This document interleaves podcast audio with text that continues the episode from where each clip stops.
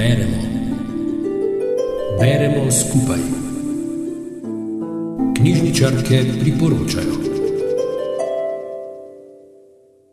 Konec lanskega leta je pri Cankarjevi založbi izšel roman škotske pisateljice Muriel Spark Zlata leta gospodične Jean Brody.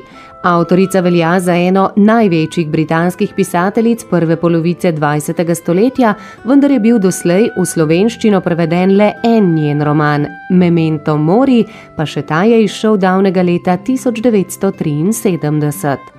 Življenje Muriel Spark je bilo pestro. Rodila se je leta 1918 v Edinburgu, kjer je obiskovala osnovno in srednjo šolo in se že v šolskih letih navduševala nad književnostjo.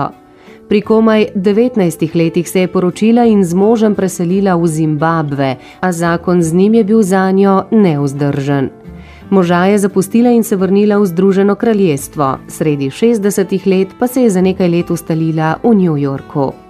Vele mesto jo je dušilo, zato se preseli v Rim in od tam v Toskano, kjer ostane vse do smrti leta 2006.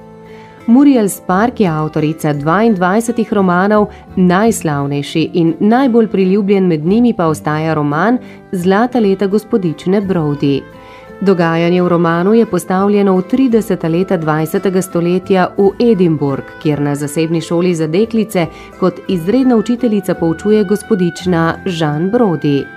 Učiteljica poučuje deklice od njihovega 10. do 12. leta in med učenkami izbere šesterico. Te deklice želi oblikovati po svojem kalupu tako vzpostavi razredno elito, tako imenovani krem de la krem oziroma junakinje v nastajanju. Z učenkami ostane tesno povezana še dolgo potem, ko napredujejo v višje razrede. Na mesto matematike, jezika in družboslovnih znanosti v spredje postavlja likovno umetnost, film in glasbo. Vodi jih v gledališče, muzeje in galerije ter uči o stvarih, ki nimajo nobene zveze z učnim načrtom. Odločena je, da bo svojim učenkam ucepila željo po neodvisnosti in ambicijah, kar je bilo za tisti čas precej radikalno. Občuduje Hitlerja in Mussolinija, pripoveduje jim o svojih popotovanjih in ljubezenskem življenju.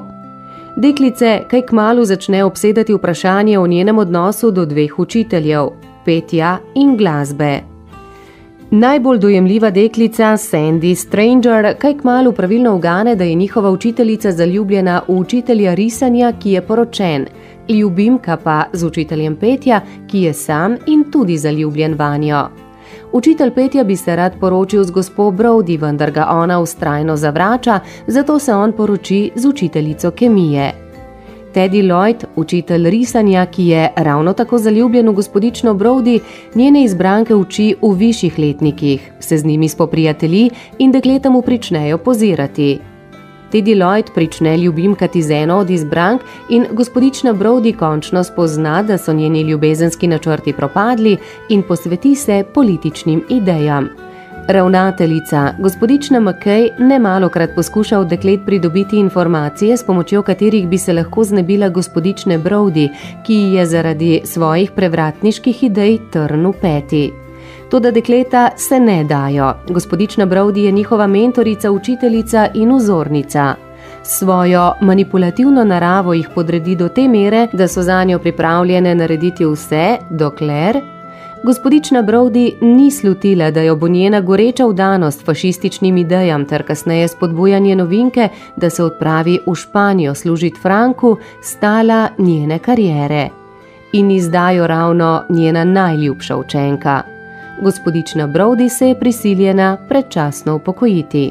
Bojim se, je pisala Jenny, da so zlata leta gospodične Brody prešla, ker naprej hoče vedeti, kdo jo je izdal prav nič ni podobna stari gospodični Brody, ki je bila tako žilava.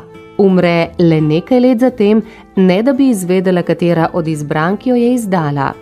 Pohvalno je, da gospodična Brody dekleta uči o stvarih, ki jih uradni učni načrt zanemarja. Njene izbranke pozneje v višjih letnikih sodijo med najbistrejše učenke. V oči pa bode njeno občudovanje fašizma in nacizma, ki ga ni mogoče opravičiti, čež da gre za splošno razširjeno predvojno naivnost. Konec koncev je gospodična Brody intelektualka.